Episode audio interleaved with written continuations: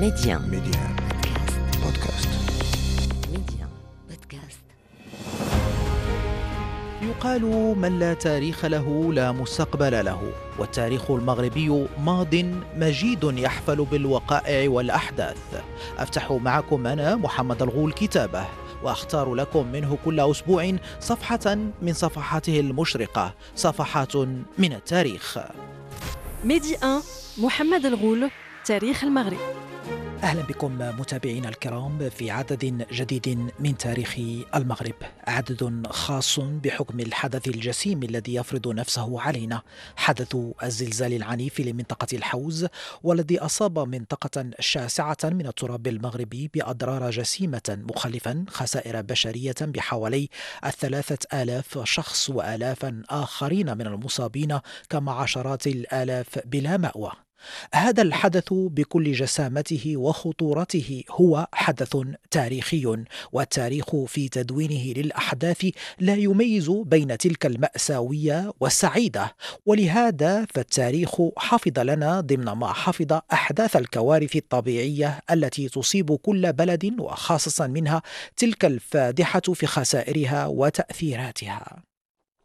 المغرب ولا شك نعرف أنه جغرافيا يوجد على خط زلزالي نشط وعبر تاريخه شهد العديد من الهزات الأرضية العنيفة. الذاكرة المعاصرة تحتفظ بزلزالي اغادير للعام 1960 وزلزال الحسيمة للعام 4 و2000 وأخيرا زلزال الحوز الحديث للعام الجاري 23 و2000 لكن تاريخ المغرب مع الزلازل أطول من ذلك ذلك بكثير جدا. الباحث المغربي عبد السلام منويكا في مقال له وفي بحث تاريخي حول تاريخ الزلازل بالمغرب عددها بشكل تقريبي أي عدد الزلازل التي ضربت المغرب بحوالي 400 ما بين القرن التاسع الميلادي وأواخر القرن الماضي. مؤكدا أنها خلفت أضرارا مادية كبيرة بمدن فاس وماليلية والحسيمة وآسف وأكادير وغيرها وبناء على المصادر التاريخية المتوفرة منذ العصر الوسيط. الباحث وفي تفصيله حول أقوى هذه الهزات ذكر بالتحديد زلزالا ضرب مدينة فاس العام 1624 للميلاد ثم الزلزال المعروف تاريخيا باسم زلزال لشبونة وكان بتاريخ الفاتح من نوفمبر للعام 1755 للميلاد. وسمي بزلزال لشبونة العاصمة البرتغالية لأنها كانت الأكثر تضررا بشكل مباشر مباشر من الزلزال ولكن لقوته الكبيرة فقد مست تداعياته مناطق واسعة من مضيق جبل طارق وفي البلدان الثلاثة المطلة والقريبة منه البرتغال إسبانيا والمغرب. في المغرب خلف أضرارا جسيمة في عدد من مراكزه الحضرية آنذاك. هذا الزلزال زلزال لشبونة تبعه مد بحري عالي أي ما يعرف حاليا بالتسونامي. ضربت بعنف أمواجه الشواطئ المغربية الأطلسية الممتدة بين طنجة وآجادير وحتى ما بعدها.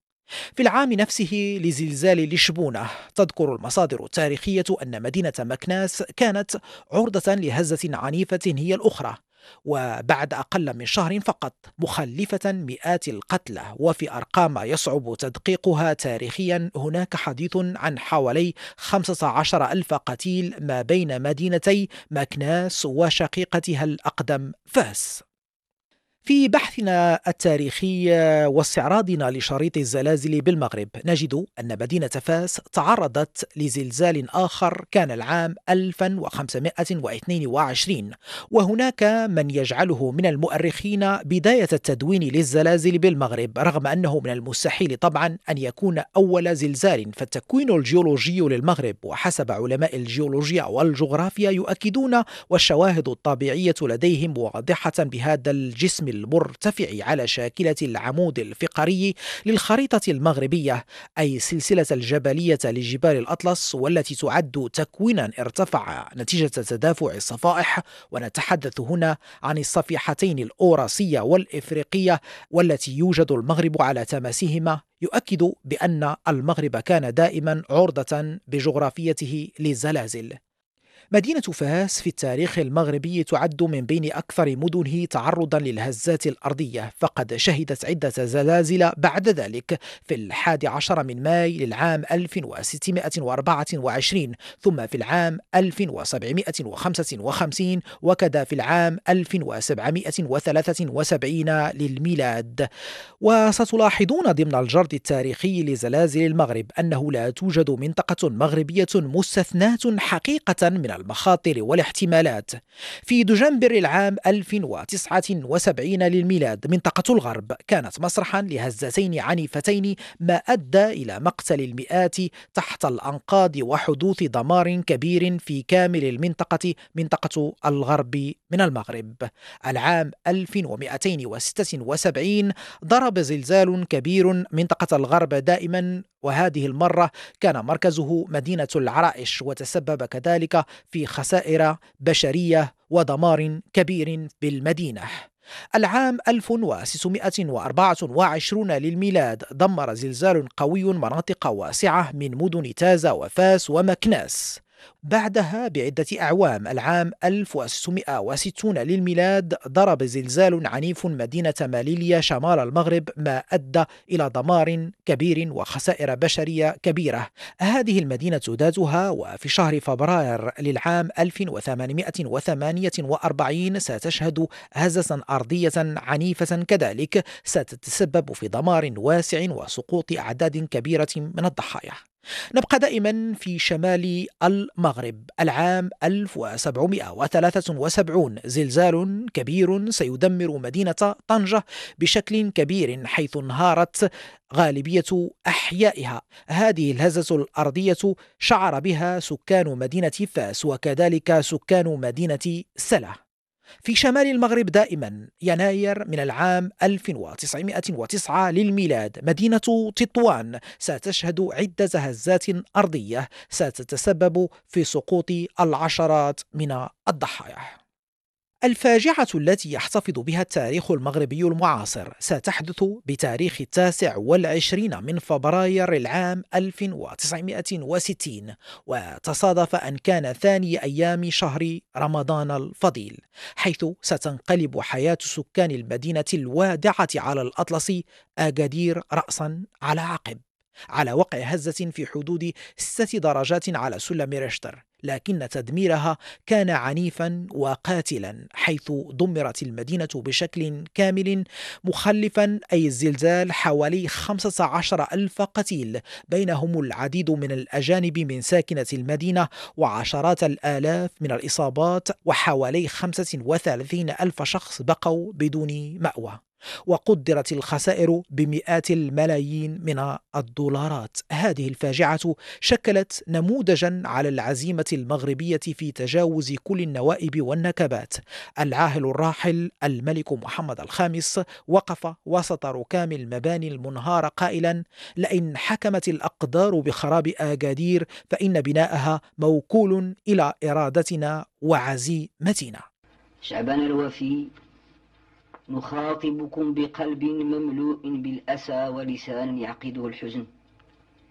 إذ حلت اليوم بوطننا نكبة من أعظم النكبات وأقساها وزلزلت الأرض بأقدير زلزالا هدم بنيانها وأهلك سكانها وتركها خرابا وإن البيان لا يعجز عن وصف هول الكارثة وليس في الوقت متسع للحديث. فالذين من الله عليهم بالنجاة ينتظرون منا عملا وتضامنا لا بكاء وكلاما. وقد كلفنا ولي عهدنا الحسن بالإشراف على عمليات الإنقاذ والإسعاف والإقامة هناك لتنفيذها. كما كلفنا ابنة الأميرة عائشة بتنظيم حملة في عموم المملكة لجمع التبرعات للمصابين. وخصنا الاعتمادات المالية الضرورية للإسعافات الأولية. وإن الواجب الإنساني والديني والوطني لا يحتم على كل فرد منا أن يسارع للنجدة من بقي من إخوانه في تلك المدينة المنكوبة ويمد لهم كل ما يطيق من مساعدات نقدية وغيرها مبرهن بذلك على شعوره الأخوي ومؤدي واجبه الديني والوطني إن تقرضوا الله قرضا حسنا يضاعفه لكم ويغفر لكم والله شكور حليم. المغرب سيشهد بعدها شبه استقرار في الهزات الأرضية مع نشاط زلزالي خفيف في منطقة الريف. هذه المنطقة التي تعد واحدة من أشد المناطق المغربية نشاطا زلزاليا حيث شهدت هذه المنطقة أعوام 1910 1927 و 1994 زلازل متفاوتة الحدة، لكن أقواها ستستفيق على هوله مدينة الحسيمة في الرابع والعشرين من فبراير العام أربعة وألفين. هزة خلفت أزيد من 600 قتيل ومئات آخرين من المصابين وعشرات الآلاف بدون مأوى. عندما نتحدث على الزلازل يذهب تفكيرنا مباشرة إلى الإنسان والخسائر البشرية وهذا طبيعي جدا فالحياة البشرية هي الأهم وحمايتها وإنقاذها هو المهم. لكن هذا لا يحجم من الخسائر المادية كذلك. وفي شق منها هناك الخسائر العمرانية وعندما يصيب زلزال عنيف منطقة عريقة في تاريخها يفكر المختصون في حجم الخسارة الإنسانية الأخرى خسارة التاريخ والذاكرة. وهو ما حدث في الزلزال الأخير لمنطقة الحوز. المنطقة المسجلة عاصمتها مراكش على قائمة اليونسكو للتراث العالمي نتيجة الزخم من الآثار التي لا تهم الذاكرة المغربية فقط بل الإنسانية عموما. ومن هنا الاهتمام الكبير الذي أولاه الإعلام الدولي للتداعيات على مخزون آثار المنطقة عمرانيا. وبالفعل فقد كانت الخسائر فادحة. المدينة القديمة للمدينة الحمراء الممتدة على مساحة 700 هكتار بالتقديرات الأولية للأضرار تبدو كبيرة. الحي اليهودي القديم حي الملاح تهدم بنسبة حوالي 60% الأسوار القديمة لمراكش والتي تعود للقرن الثاني عشر والزمن المرابطي للمدينة تضررت بشكل واضح. مسجد الكتبية التاريخي وإن كان قد صمد لقوة الهزة لكنه هو الآخر تعرض لأضرار. ثم هناك أسوار مدينة تارودانت التاريخية وللتعرف على هذه الآثار التاريخية التي نتحدث عنها هنا وعن قيمتها التاريخية والإنسانية نستمع لجزء من حوار كنا قد أجريناه مع الأستاذ عبد المنعم جمال أبو الهدى محافظ البنايات التاريخية لمدينة مراكش. مدينة مراكش كما هو معروف فإن المدينة هي من أقدم العواصم في والحواضر في الغرب الإسلامي. أكيد أن تاريخ مراكش يعني شمله يعني معطيات كثيرة وعرف مجموعة من يعني المسائل التي يعني أرخت لتاريخ مدينة مراكش فقبل تأسيس مدينة مراكش أو قبل اختيار موقع مدينة مراكش لابد من الإشارة على أن الدولة المرابطيه كانت تستقر بمدينة أغمات. يعني مدينة أغمات كانت عاصمة حاضرة الحوز. يعني استقروا بمدينة أغمات قبل قبل يعني اكتشافهم لموقع مدينة مراكش. ولذلك كانت هناك آه، أخبار كثيرة وردت في المصادر التاريخية. فالمرابطون لما قضوا على آخر ملوك آه، قبيلة المهراوي اللي هو يوسف بن القوت المهراوي سيطروا على مدينة اغماد واتخذوا عاصمة لهم قبل تأسيس مدينة مراكش أو أو قبل اغتيال موقع مدينة مراكش. اولى بداية تأسيس موقع مراكش في وبالضبط قريبا سنة 1062 ثم ستأتي مرحلة ثانية مرحلة بداية تأسيس أو بداية تأسيس المدينة الإسلامية في عهد يوسف بن تاشي أكيد السي محمد أن هناك تأثير الأندلسي فكان جليا فمنذ الدولة المرابطة كان هناك تأثير فكما قلت أنه نظام الاختلاط كان معروف في في عهد في في الأندلس كان معروفا في إسبانيا معروفا في شبه الجزيرة العربية وفي منطقة الحجاز معروفة في إيران في ولكن أنه نظرا لأن الاستقرار كان يتطلب المياه فأنه السلطان أو أمير المسلمين علي بن يوسف استقطب آه، يعني هارما اندلسيا يعرف يسمى أبو عبيد الله بن يونس الذي كان له الفضل في شق الخطارات وكان له دور كبير في غسل الحدائق و اشتهار المدينة بالنخيل إلى غير ذلك. ثم كذلك في بناء القنطرة بالتنسيف سواء التنسيف كان اشتغل فيها علماء الأندلس وحتى العلماء كانوا يجلبوا من الأندلس. لا ننسى أن الدولة المرابطية كانت تستشير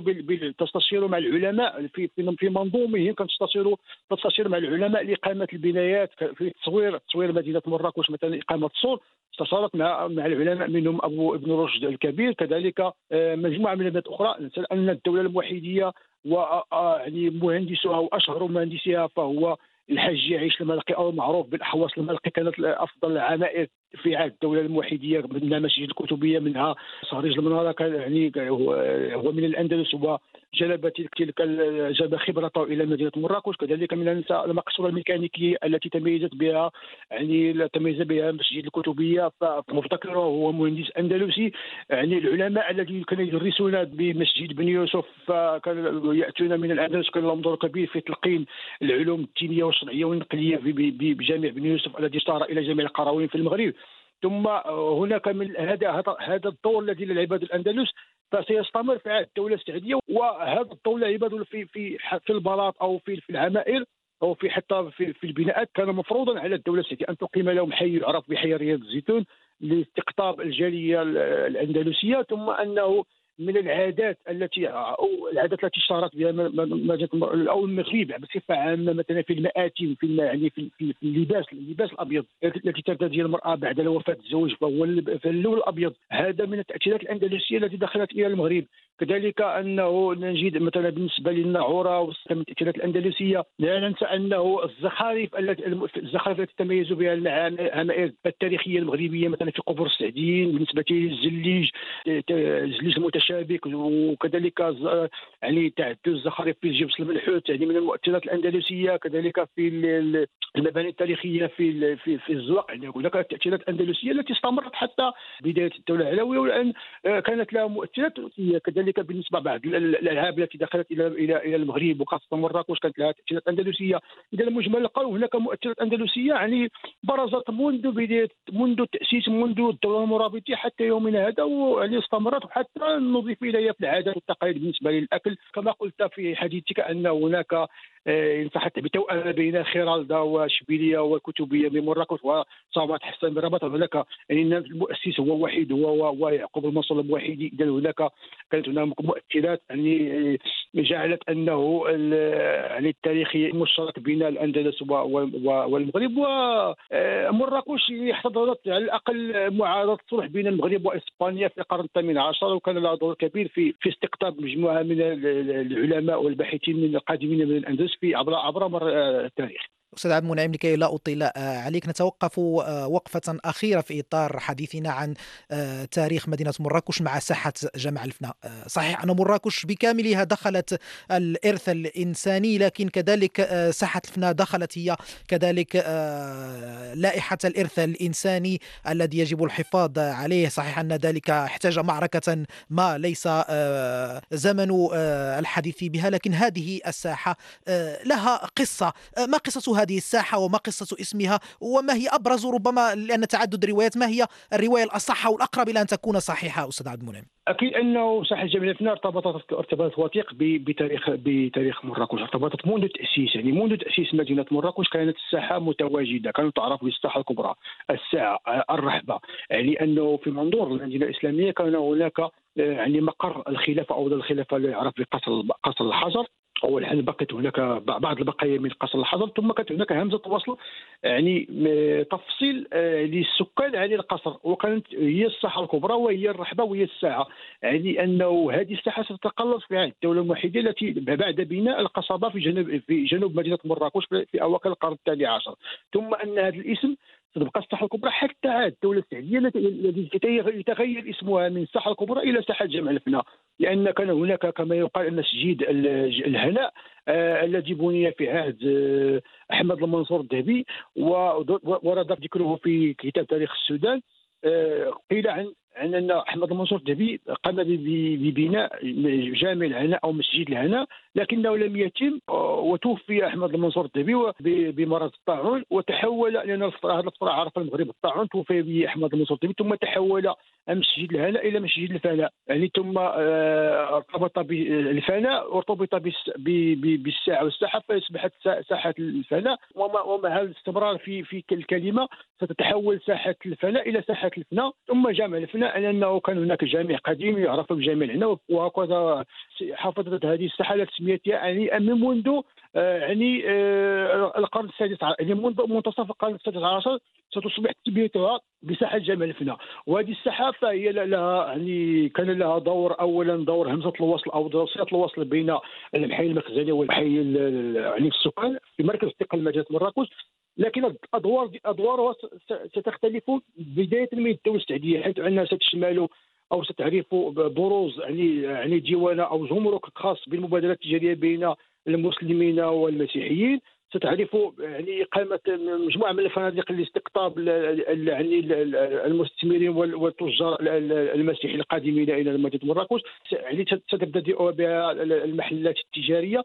ودورها سي يعني سيستمر مع بداية يعني الدولة العلوية حيث ستتواجد بها. مكان خاص باقامه الفروسيه كذلك اقامه لتجمع الجيوش نحو الحرب ثم ستبتدئ بنمط آخر حجمنا هو الحلقة مع بداية خاصة في عهد السلطان المولاي إسماعيل وذكرها في عند آه، كتابات أبو علي اليوسف في كتابه محاضرات في اللغة تحدث عن الحلقات المتاحين حلقات العرافين حلقات ديال يعني كما قلت المتاحين يعني آه، والسر العنطرية. وستستمر الحلقات تقريبا لمدة 300 سنة ولا زالت مرتبطة بها بساحة جامع الفنا وهذه الساحة ستكون هي القلب النابض لمدينه مراكش لأن مجموعة من الأسواق التي تزخر بها مدينه مراكش قبل إحداث الأسواق الحالية كانت تواجد في مدينه مراكش. مثلا نتحدث عن سوق الخشب نتحدث عن سوق الفحم. نتحدث عن سوق الليمون نتحدث عن سوق الفخار نتحدث عن سوق التبن التي كانت تشتهر بمدينة مراكش. وهناك مجموعة من الوثائق ومجموعه من التصاميم القديمة التي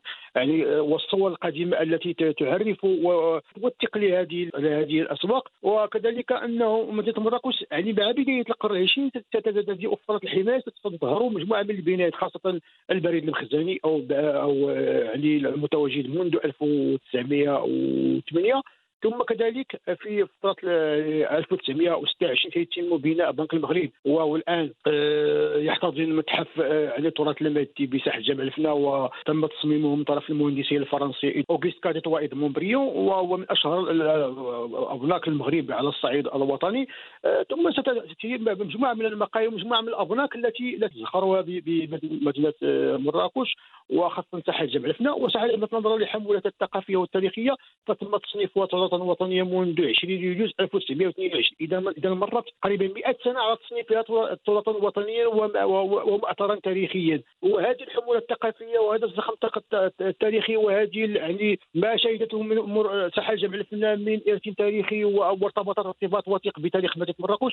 فجعلت منظمة اليونسكو أن تصنفها تراثا عالميا للإنسانية تراثا لا مادي للإنسانية منذ 18 ماي 2001 نظرا أنه تعرف تنوعا في الثقافة الشعبية تنوعا في في المظاهر يعني الثقافة المغربية المتمثلة في الحلقة متمثلة في الحجاج متمثلة في الحكايات متمثلة في الرواد الذين أثثوا الفضاء.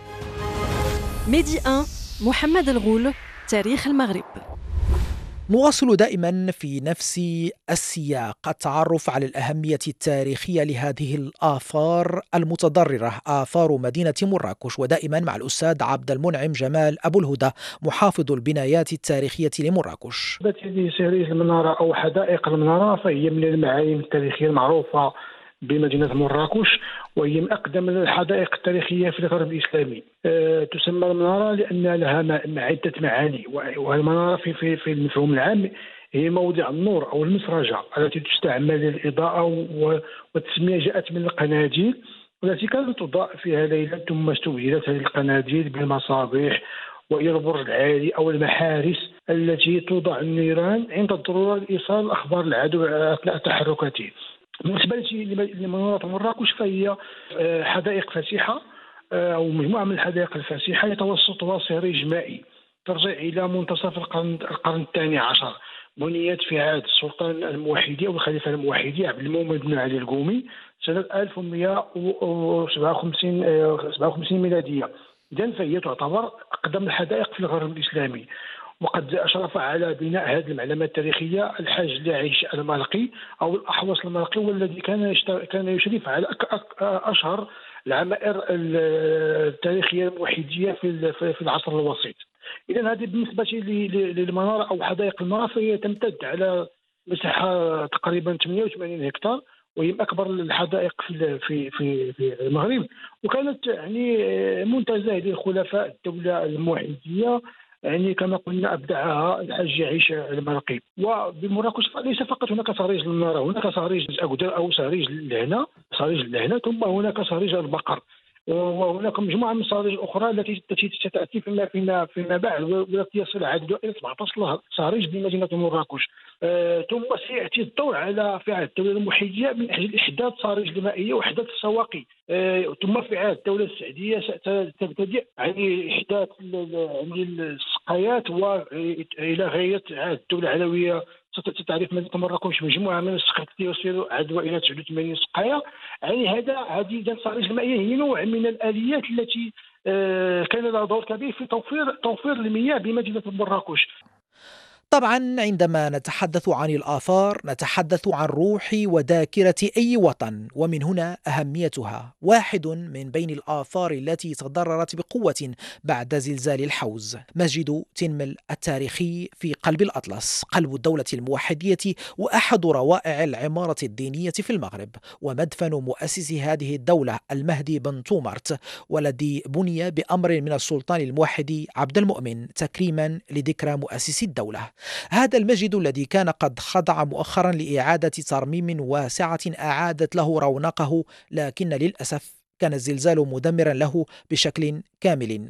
وبخصوص هذه الآثار آثار منطقة الحوز ومراكش وما جاورها وما تعرضت له من أضرار نستمع للباحث في التاريخ والتراث الأستاذ جمال البقع. أستاذ جمال هذه الفاجعة ضمن الأضرار التي خلفتها آه، إضافة إلى الخسائر البشرية الفادحة والأضرار المادية. ضمن هذه الأضرار المادية على هامش هذه الفاجعة هناك أضرار آه، تكبدتها آه، الآثار بالمنطقة. نحن نعلم بأن مدينة مراكش مدينة أثرية قديمة العاصمة التاريخية للمغرب مسجلة على لائحة التراث الإنساني لليونسكو. إضافة إلى مدينة مراكش مراكش في محيط مدينة مراكش يمكن أن نتحدث عن أغمات عن تارودانت. مسجد تنمل مركز الدولة الموحدية انهار بشكل كامل آه، رغم أنه آه، يعني كان آه، في فترة ترميم أو رمم قبل فترة قصيرة.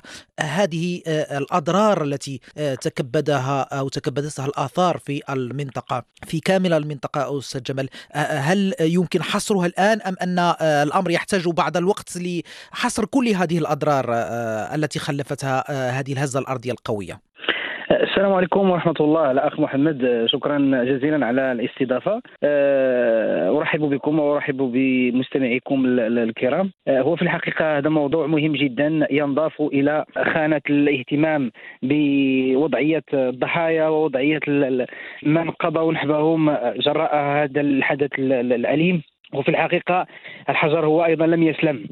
لم يسلم البشر ولم يسلم أيضا الحجر. آه، اخترت فقط هذه العبارة لكي أعبر عن مدى آه، قلقي مما آه، آلت إليه أوضاع بعض المعالم التاريخية والمواقع الأثرية التي تشهد على عظمة المغرب والحضارات التي تعاقبت على حكم المغرب. وفي الحقيقة إذا بدأنا من مراكش حيث المجال الذي سجلت فيه بؤرة الزلزال فيمكن أن ننطلق من اقرب نقطة إلى بؤره الزلزال ويتعلق الأمر بمسجد مسجد تنمل الموحدي الذي بني في الفترة الموحدية على عهد الخليفة عبد المؤمن بن علي الموحدي سنة 547 هجرية 1153 ميلادية. بنيت هذه المعلمة يعني تخليدا لذكرى المهدي بن طومرت أول الممهدين لانطلاق الدولة الموحدية بالمغرب. في الحقيقة هذا المسجد تعرض للهدم عن آخره خصوصا أنه في الآونة الأخيرة شهد انطلاقة حقيقية تمثلت في الترميمات التي قامت بها وزارة الأوقاف والشؤون الإسلامية ووزارة الثقافة آه، والشباب والتواصل يعني قطاع الثقافة من أجل إعادة الاعتبار لهذا المسجد لما يحمله من من قيم أركيولوجية وقيم تاريخية ودينية آه، كبيرة. وفي الحقيقة نحن قلقون لما آلت إليه أوضاع هذا المسجد التاريخي الذي سجل في سنة 2019 ضمن روائع التراث العالمي الإسلامي لدى الإيسيسكو. طبعا آه، نعود أيضا إلى مدينة مراكش المدينة المرابطة والموحدية يعني المدينة التي عرفت أوج العطاء. في الفترة المرابطية طبعا حيث أسست من طرف المرابطين. سورها هو أيضا لم يسلم. خربت منه أجزاء كبيرة وبعض الأبراج وأيضا صوامع بعض المساجد. ولعل صومعة مسجد الكتبية الشهير هي أيضا تعرضت لبعض التصدعات جراء هذه الهزة الأرضية. نعود إلى مرتفعات الأطلس الكبير حيث أن هناك بعض المعالم التاريخية التي هي الأخرى. نعتقد لأن ليست لدينا معطيات في الحقيقة آه، بأنها تعرضت إلى الاخرى لمخلفات هذه الهزة الأرضية ويتعلق الأمر بالمخازن الجماعية آه، إيغودار بالأمازيغية وهي المباني التاريخية التي بنيت أو أعدت لجمع كل ما يتعلق بالأغراض والممتلكات التي كان يخزنها أو يقوم بتخزينها الإنسان الذي عمر الأطلس الكبير أو جبال الأطلس الكبير آه، من أجل حمايتها وحماية نفسه أيضا من تدخلات آه، كل غزو خارجي. ثم ننزل وإياكم إلى المنطقة الجنوبية الغربية وتحديدا مدينة تارودانت. تعرفون بأنها مدينة تعاقب عليها مختلف الدول التي حكمت المغرب وهناك يعني بعض المعطيات تعيد تاريخ تأسيسها إلى ما قبل الميلاد. متفق عليه بأن تارودانت سورت أو حصنت في العهد السعدي يعني في الفترة في تقريبا القرن السادس عشر على يد السلاطين أو الحكام السعديين ويتعلق الأمر ربما الغالب بالله. فهذه المدينة هي أخرى تعرضت أسوارها لتصدعات كبيرة وشروخ عفوا كبيرة. ربما تستدعي اعاده إعادة بناء هذه الأسوار من جديد لأن حتى ترميمها ربما سوف يستعصي خصوصا إذا عدنا إلى بنظر إلى حجم الفوارق أو الشروخ التي سجلت على مستوى الأبراج والأسوار والأبواب أيضا لأن بها مجموعة من الأبواب التاريخية كباب الزرقان وباب وباب بولونا وباب القصبه وباب الخميس وغيرها من الأبواب. ثم في أقصى غرب المنطقة التي تعرضت للهزة ويتعلق الأمر بمدينة أكادير. مدينة أكادير كما تعلمون بأنها تتميز بتواجد قصبة تاريخية تسمى محليا قصبة أكادير إيغير ومعروفة سياحيا بأكادير أفلا يعني أكادير العالية التي تتواجد على اعلى الجبل المطل على المحيط الأطلسي. في الحقيقة هذه القصبة ما يحز في النفس هي أنها لم تسلم من الزلزال للمرة الثانية على التوالي بعد تعرضها للتخريب كليا سنة 1960 في الخميس الأسود الموافق للتاسع والعشرين من من فبراير 1960 والزلزال العنيف الذي شهده المغرب والذي قضى على حوالي 15 ألف ضحية يعني من الموتى وأدى إلى تشرد ما مجموعه 13 ألف آه، تقريبا نسمة.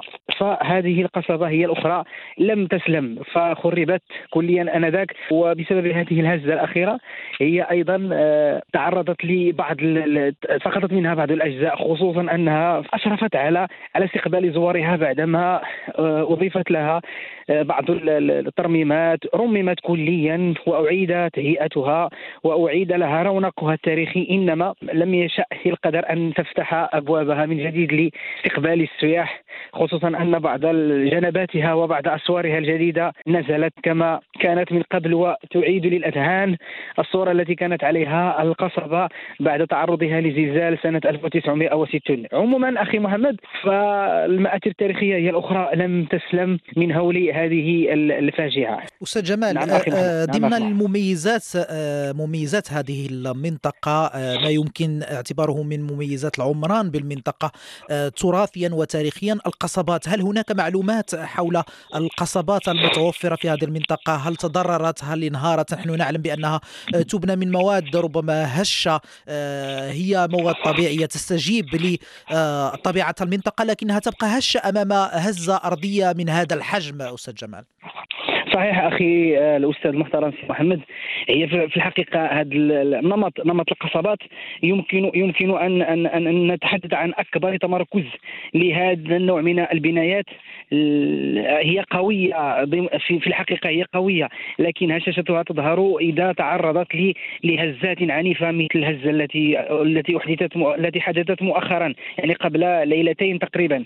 إلا أن أكبر تمركز يوجد بالجنوب الشرقي خصوصا على ضفاف وادي درعا وليست لدينا أخبار خصوصا أن الهزة بلغ بلغ مداها آه، منطقة الجنوب الشرقي خصوصا آه، منطقة تارودا منطقة عفوا زاغورا وورزازات. ونعلم جيدا بأن جبال ورزازات يعني الاقليم إقليم ورزازات هي الأخرى آه، سجلت فيها ضحايا وسجل فيها فيها أموات ومتشردون. نسأل الله السلامة والعافية ونسأل الله أن يتغمدهم بواسع رحمته وأن يشفي منهم المصابين. هي في الحقيقة هذه القصبات ليست لدينا معطيات إنما ما, ما أستطيع أن اقوله ثم لا لا ننسى أخي محمد آه، نوع آخر من المعالم التاريخية يتواجد تمركز مهم منه في في في إقليم تارودانت وهي من روائع المعمار الإسلامي ويتعلق الأمر بمعاصر السكر، معاصر السكر هذه التي توجد بمنطقه تزمورت بإقليم تارودانت وهي الأخرى يعني من روائع يعني هذه التي تعود إلى الزمن السعدي أعتقد. طبعا طبعا. هي في الفترة السعدية يعني في القرن السادس عشر يعني حوالي تقريبا 500 سنة. ففي الحقيقة ليست لدينا معطيات أكيدة حول حول حالتها بعد هذه الهزة. إنما لا بد لنا أن أن أن, أن نشير إلى أن المعمار أو المآثر التاريخيه المغربية كما تعرض الإنسان للضرر فهي الأخرى تعرضت للضرر. ولا شك أن بعض القرى القرى المتواجدة بالأطلس الكبير كما هو ملاحظ في بعض التقارير الإعلامية وبعض الروبورتاجات التصويرية والمشاهد التي رأيناها جميعا تخربت كليا فلا بد أن تتعرض هذه المعالم التاريخية هي الأخرى للتخريب آه، وهذا مؤسف جدا لكن لا نستطيع أن نفقد انسانا وفي المقابل لا نستطيع أن نفقد معلمة تاريخية شاهدة على قدم آه، وعراقة التاريخ المغربي. آه، أستاذ جمال المؤسسة الوطنية للمتاحف ذكرت أنها تلقت رسائل تضامن قادمة من عدد من دول العالم في هذا الإطار إطار التخوف من تعرض التراث آه، الإنساني العريق لهذه المنطقة للضرر وأعلنت أنها اتخذت تدابير من أجل يعني لجنة خبراء من أجل حصر الأضرار والتعرف عليها. آه، في آه، وزارة الثقافة هل هناك عمل في هذا الاتجاه كذلك من أجل الاطلاع على الأضرار وحصرها التي لحقت الآثار خاصة في مراكش وكذلك في تارودانت وهذا المسجد الذي يتضح بشكل جلي مسجد بأنه انهار بشكل كامل من خلال الصور القادمة من المنطقة أستاذ جمال صحيح أخي محمد هي في الحقيقة وزارة الثقافة تجندت كباقي القطاعات الحكومية الأخرى تجندت لكي تحصر الأعداد أو أعداد المعالم التي تعرض للدمار. فمثلا أعطيكم على سبيل المثال بجهة ست مساء تم إيفاد لجنة مختصة إلى منطقة تارودانت إلى إقليم تارودانت وقامت بتقارير دقيقة جدا حول حول ما آلت إليه أوضاع هذه المعالم التاريخية خصوصا اسوار مدينه تارودانت والقطاع هو يشتغل ليل نهار لكي يسهم بدوره وينخرط ماديا لكي يعيد الاعتبار لهذه المواقع.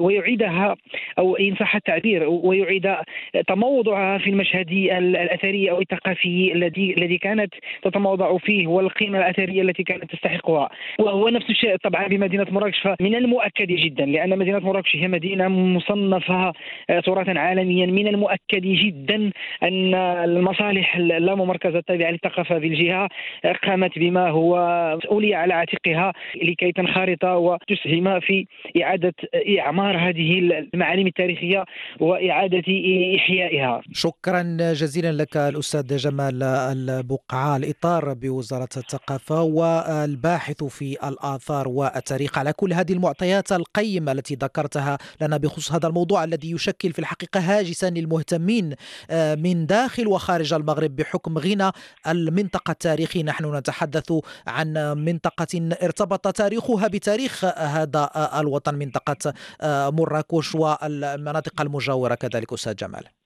شكرا إلى إذاعتكم الموقرة والسلام عليكم ورحمة الله وبركاته. إذا كما تابعتم معنا متابعينا الكرام من المؤكد أن التاريخ المغربي كما الذاكرة المغربية حبلى بآثار نوائب كثيرة ومنها نوائب الزلازل التي تتكرر بشكل يؤكد أن الجغرافية المغربية مبصومة بهذا الحدث منذ الأزل كما التاريخ. ولهذا الحدث تداعيات متعددة تداعيات جغرافية على الأرض المغربية تداعيات إنسانية على الساكنة المغربية وتداعيات تداعيات على الأثر المغربي العمراني والتاريخي المغربي. ميدي 1 محمد الغول تاريخ المغرب.